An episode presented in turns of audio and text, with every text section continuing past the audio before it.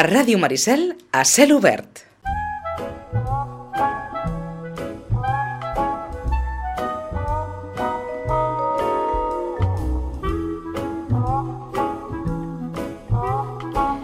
Ja tenim aquí el veterinari, el nostre veterinari de l'Hospital Salagoron, Eduardo Tobaja, molt bon dia. Buenos días, buenos días, ¿qué tal? I avui anem a parlar d'un tema que segur que els interessa, tota aquesta gent que teniu mascotes, eh, que us agrada el món animal i que teniu doncs, algun gosset, un gatet, conill, no ho sé, qualsevol eh, mascota. Avui parlarem de medicina preventiva. Fins a quin punt és important? Hasta qué punto es importante? Pues para todo, porque la medicina preventiva sobre todo este tema de de, de, enfermedades parasitarias también es importante en, en, salud pública. En salud pública. En salud pública. ¿Qué quiere decir eso? Esto quiere decir que hay enfermedades parasitarias, sobre todo los gusanos intestinales, que se transmiten de, la, de, las, de las mascotas a las personas y viceversa, lo que se denomina zoonosis. Per tant, val la pena prevenir i què implica amb una mascota prevenir? És a dir, què implica? ¿Qué, ¿Qué tenemos que hacer para prevenir, para garantizar que tengan una buena salud nuestras mascotas? Vale, principalmente pues una desparasitación interna, ¿vale? Que incluya un producto que abarque eh, tanto gusanos del corazón, pulmonares e intestinales, normalmente cada tres meses, sobre todo cuando salen, salen al exterior durante los paseos, y una desparasitación externa contra las pulgas, piojos, garrapatas, que también eh, producen enfermedades a, a las persones. Parlem de gossos. I de gatos i conejos. Ah, d'acord. És a dir, que cada vegada fa sensació que el tema desparasitar per quan surten al carrer només és gossos i aquí impliquen altres animals. Eh? Otros Tot animales, sí, sí. Gossos, gats, eh, conills... Conejos, cobaya, erizos, cuando estaban permitidos, los que todavía tienen, tienen esa, esas especies como mascota, incluso pájaros. Cal desparasitar-los internament i externament. i externament. Com es fa aquesta desparasitació? ¿Es a través de pastillas? ¿A través de qué? Pues para los parásitos internos, que son los gusanos, los gusanos planos, eh, gusanos del, del, corazón, etcétera, se utiliza pues una, un producto interno, una pastilla. En el mercado existen diferentes, diferentes productos tipo chuches, pastillas normales de las que hay que a veces forzar o introducir en, en algún premio para que se la coman. Eh, también existe en el mercado una, un producto, pues también pastillas que abarca tanto interno como, como externo, pero normalmente para los internos se prefiere el uso de, de, de pastillas y de comprimido. Eh, la gent ho acostuma a fer? És a dir, els que tenim mascotes acostumem a sí. tenir en compte aquesta faceta, és a dir, que fa falta sí, desparasitar? Sí. sí, sobre todo están bastante eh, orientados sobre todo cuando hay niños pequeños y, y, ancianos. Y por lo menos en nuestra experiencia, las personas cada tres meses fielmente suelen venir a buscar su producto. Perquè el, comenta, el que comentaves, eh? si no desparasitem, la, la, hi ha la possibilitat de que aquells paràsits es transmetin d'animals a persones. A les persones, exacto.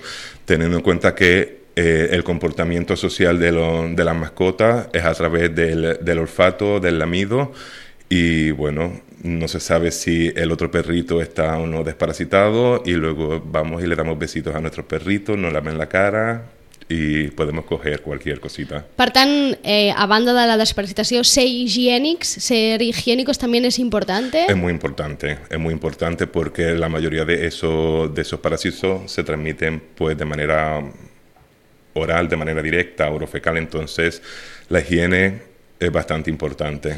La desparasitació, deies, cada tres mesos? La interna de, para los gusanos se recomienda cada tres meses, sí. La de los parásitos externos, sobre todo en épocas de calor, primavera eh, y verano, se recomienda al menos cada mes. Això ve ser com una cartilla de vacunació. Sí, exactamente. De hecho, en las cartillas de vacunaciones y en los pasaportes que son por normativa europea, hay una sección específica para antiparasitarios en los que el veterinario firma i sella que se le ha dado el, el producte. Per tant, entenc que no hi ha alternativa, no? És a dir, no hi ha altra medicina preventiva que no passi per la vacunació. Sí, no hay, no hay medicina preventiva. Parlaves de, de la importància també de la higiene, Eh, oral, dental, no? m'imagino, sí. que és la més important. Entenc que, en, òbviament, en els humans, no? quan un cop hem tocat les nostres mascotes, però també en els animals. Els hi hem de mantenir una higiene amb ells. Sí, sí, sobretot... I com ho fem, això? Pues bueno, en la, en la higiene dental, por ejemplo, en la higiene bucal, que como en todas las especies, la boca es la zona donde más bacterias se concentran, pues las mascotas obviamente no se cepillan los dientes a diario, entonces para eso se recurren a productos sobre todo enzimáticos que bueno, actúan a manera de, de, prevenir la formación de sarro. Si se acostumbra la mascota desde pequeña a un cepillado semanal, pues también se previene eso y hay mascotas que lo toleran bastante bien ese cepillado. Y así evitamos enfermedades internas.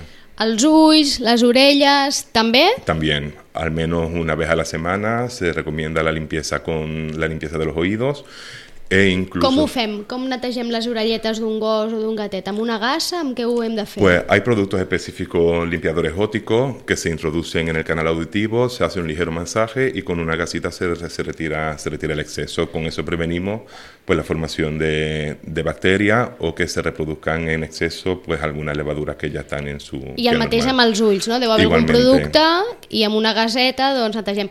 Els animals es deixen? És a dir, gossos, gats, conills, en general, quan arriben al, a l'hospital, no? en aquest cas aquí a Salagoron, eh, per desparasitar-se, clar, m'imagino que la primera vegada no saben on van, però la quarta ho deuen tenir bastant clar. Ja s'acostumbren i ja saben a lo que van. I ho arriben bé, accepten bé, o, o això no és com els nens, que quan els hi dius toca vacuna, ja tens plors des de dos carrers abans. Según la especie, según la especie, los perros normalmente lo toleran mejor que los gatos. Terminamos normalmente con las manos un poquito arañadas, ¿no? y un poco mordidas. Perquè els gats són un punt més esquerps. Son más especiales, son más especiales. Su, su nivel de estrés es bastante más, más alto, más, alto que, el, que el de los perros. Entonces...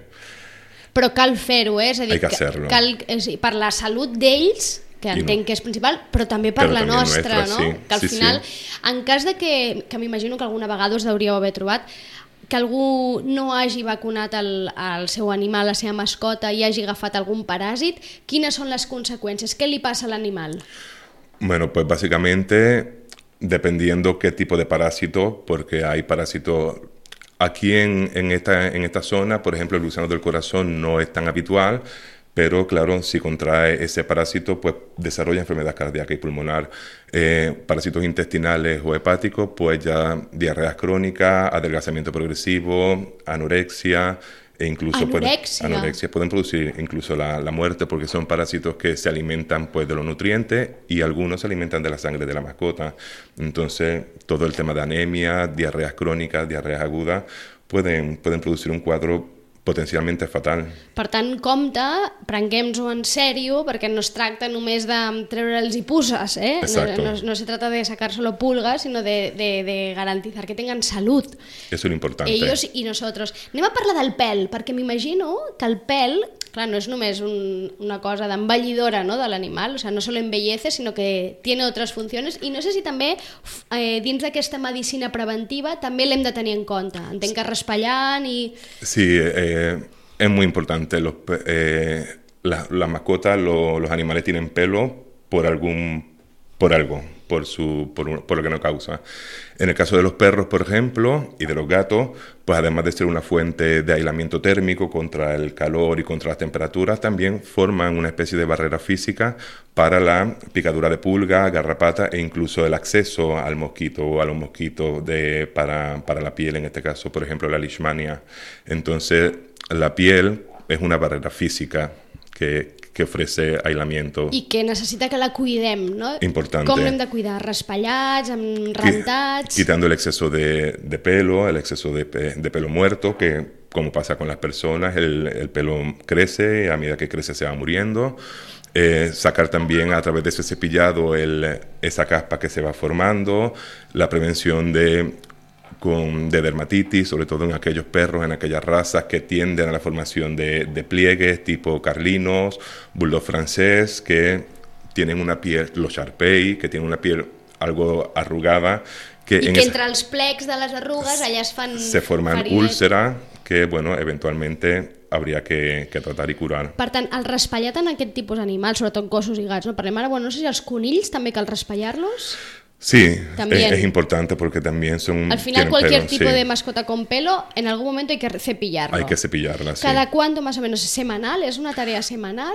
Pues dependiendo de, la, dependiendo de la raza. Por ejemplo, no es lo mismo una- un perro o un gato de, de raza de pelo largo, tipo persa, bosque de Noruega, un collie, que son raza con pelo bastante largo, que hay que cepillarla al menos una o dos veces por semana, sino diariamente, o un perro tipo labrador que es pelo corto, que tampoco suelen sacar tanto pelo, que al menos una vez a la semana sí sería suficiente.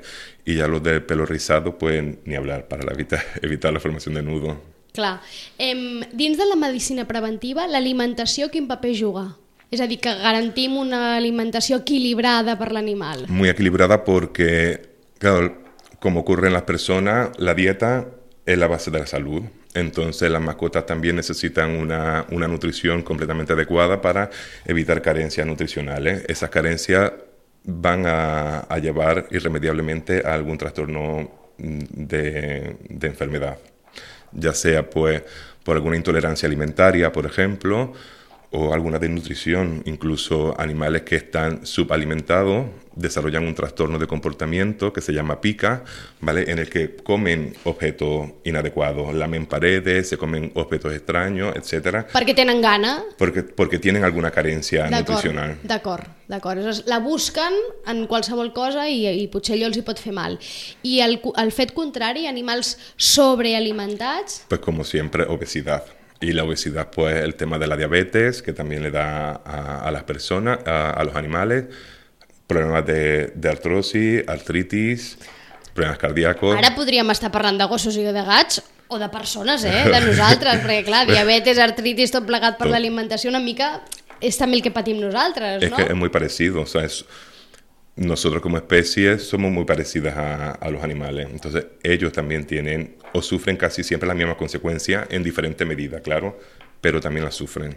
Per tant, garantir això, així que aquella cosa d'anar-li comprant xutxes o regalets als animals compta de la mateixa manera que no ho fem nosaltres, que no cada dia mengem tartes de pastissos de Sí. xocolata perquè sabem que no és sa, doncs amb els gossos, amb els gats, amb les nostres mascotes, tampoc que sigui una cosa excepcional. muy excepcional, muy excepcional. Y si queremos darle algún premio, alguna chuche, hay que tener en cuenta que hay chuches y premios específicamente diseñados para, para las mascotas, que ayudan o que complementan esa nutrición. No darle trocitos de queso, de embutido, porque... No? Clar, et dirà algú, ja, però és que estic dinant a casa a la taula i ve aquí el gosset i em posa aquells ullets i m'estic menjant un gelat de xocolata i clar, és que... i, i, i, i no ho aconsegueixo. Claro, y pasa y luego, bueno, hay, hay, hay chuches humanas que obviamente son muy tóxicas para, la- para las mascotas. Hay muchos productos que a nosotros nos sientan bien, pero a ellos son envenenamiento. Entonces eso hay que evitarlo y además tener en cuenta que las necesidades energéticas, calóricas de, la, de las mascotas son mucho inferiores a, a, A a la las de los humanos. No es lo mismo una galletita para nosotros de Chips Ahoy, Oreo, lo que sea, que una galleta para ellos que supone un exceso de caloría si se complementa con el pienso. Després els tindrem corrent a lo loco per casa O, o convulsivo. o convulsius, que, és que seria molt pitjor. Eh? Per tant, que aneu en compte que això té conseqüències i conseqüències greus. Allò, és igual, li dono una mica del meu gelat de xocolata, doncs compte. Igual l'estàs enverinant a No, el, l'animal. el chocolate es completamente tóxico, está prohibido. Y lo, lo mismo que el chicle, que normalmente no se le dan a los perros, pero cuando Pero- los tiramos, los perritos los pueden comer. claro. Tiene un componente muy tóxico. Hay muchos productos, la cebolla, el ajo, incluso el tomate en exceso también le podría producir intoxicaciones graves. Un dia igual podem parlar d'això, eh? De- d'alimentació en els animals i d'allò que els hi podem donar i allò que no, que està absolutament prohibit donar-los, encara que ens facin aquests ullets de pena, que és molt difícil resistir-se. Per acabar, medicina preventiva, l'exercici, el que es moguin els animals. Igual, eh, eh, mejora pues el, a nivel muscular, a nivel cardíaco, respiratorio, la condición física y bueno, mantiene un- una condición corporal idónea.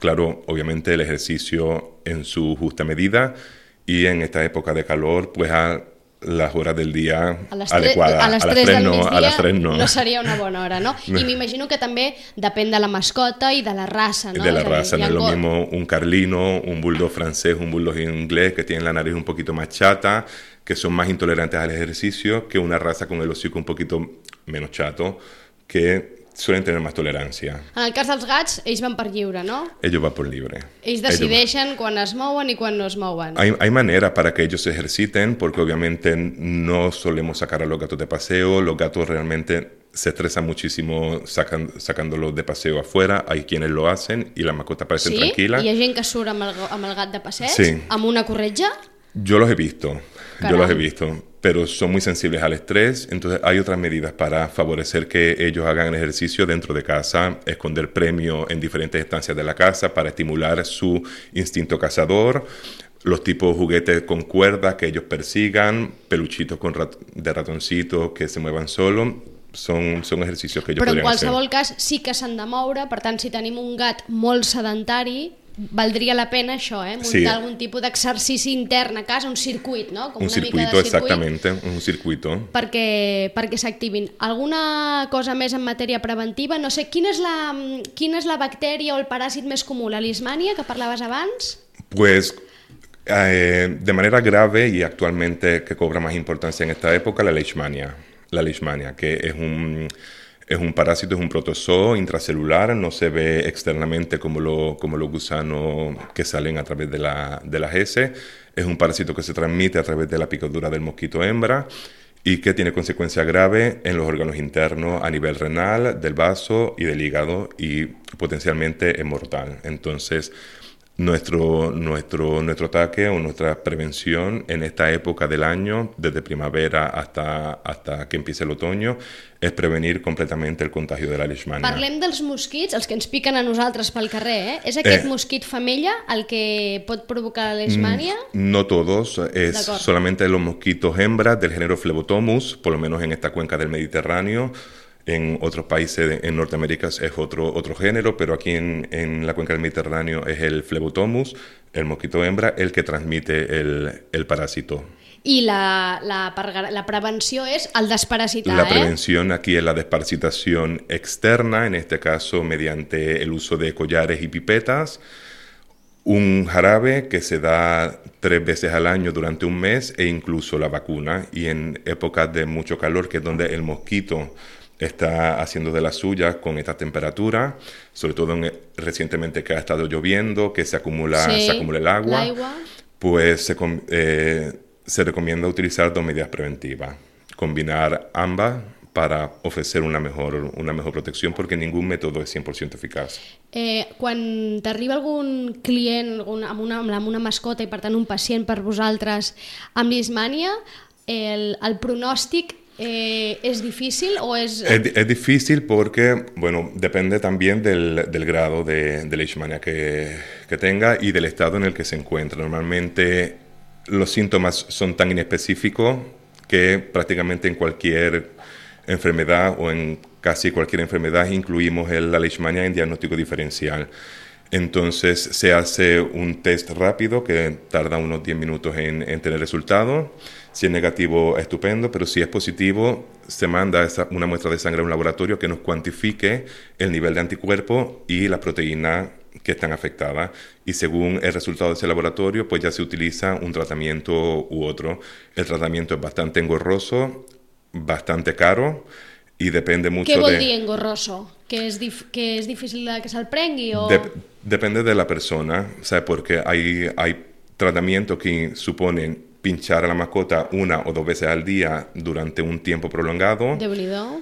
Eh, si la persona es muy sensible a pinchar a su mascota o la mascota no se deja pinchar, pues normalmente nos las traen a nosotros una o dos veces al día para que lo hagamos. Dar pastillas diariamente también una o dos veces al día. Si el nivel de anticuerpos es bajo o no hay tantos signos clínicos, pues el jarabe es bastante más fácil combinado con una pastillita, pero también son tratamientos largos, además de hacer un control renal exhaustivo porque los tratamientos pueden afectar al riñón.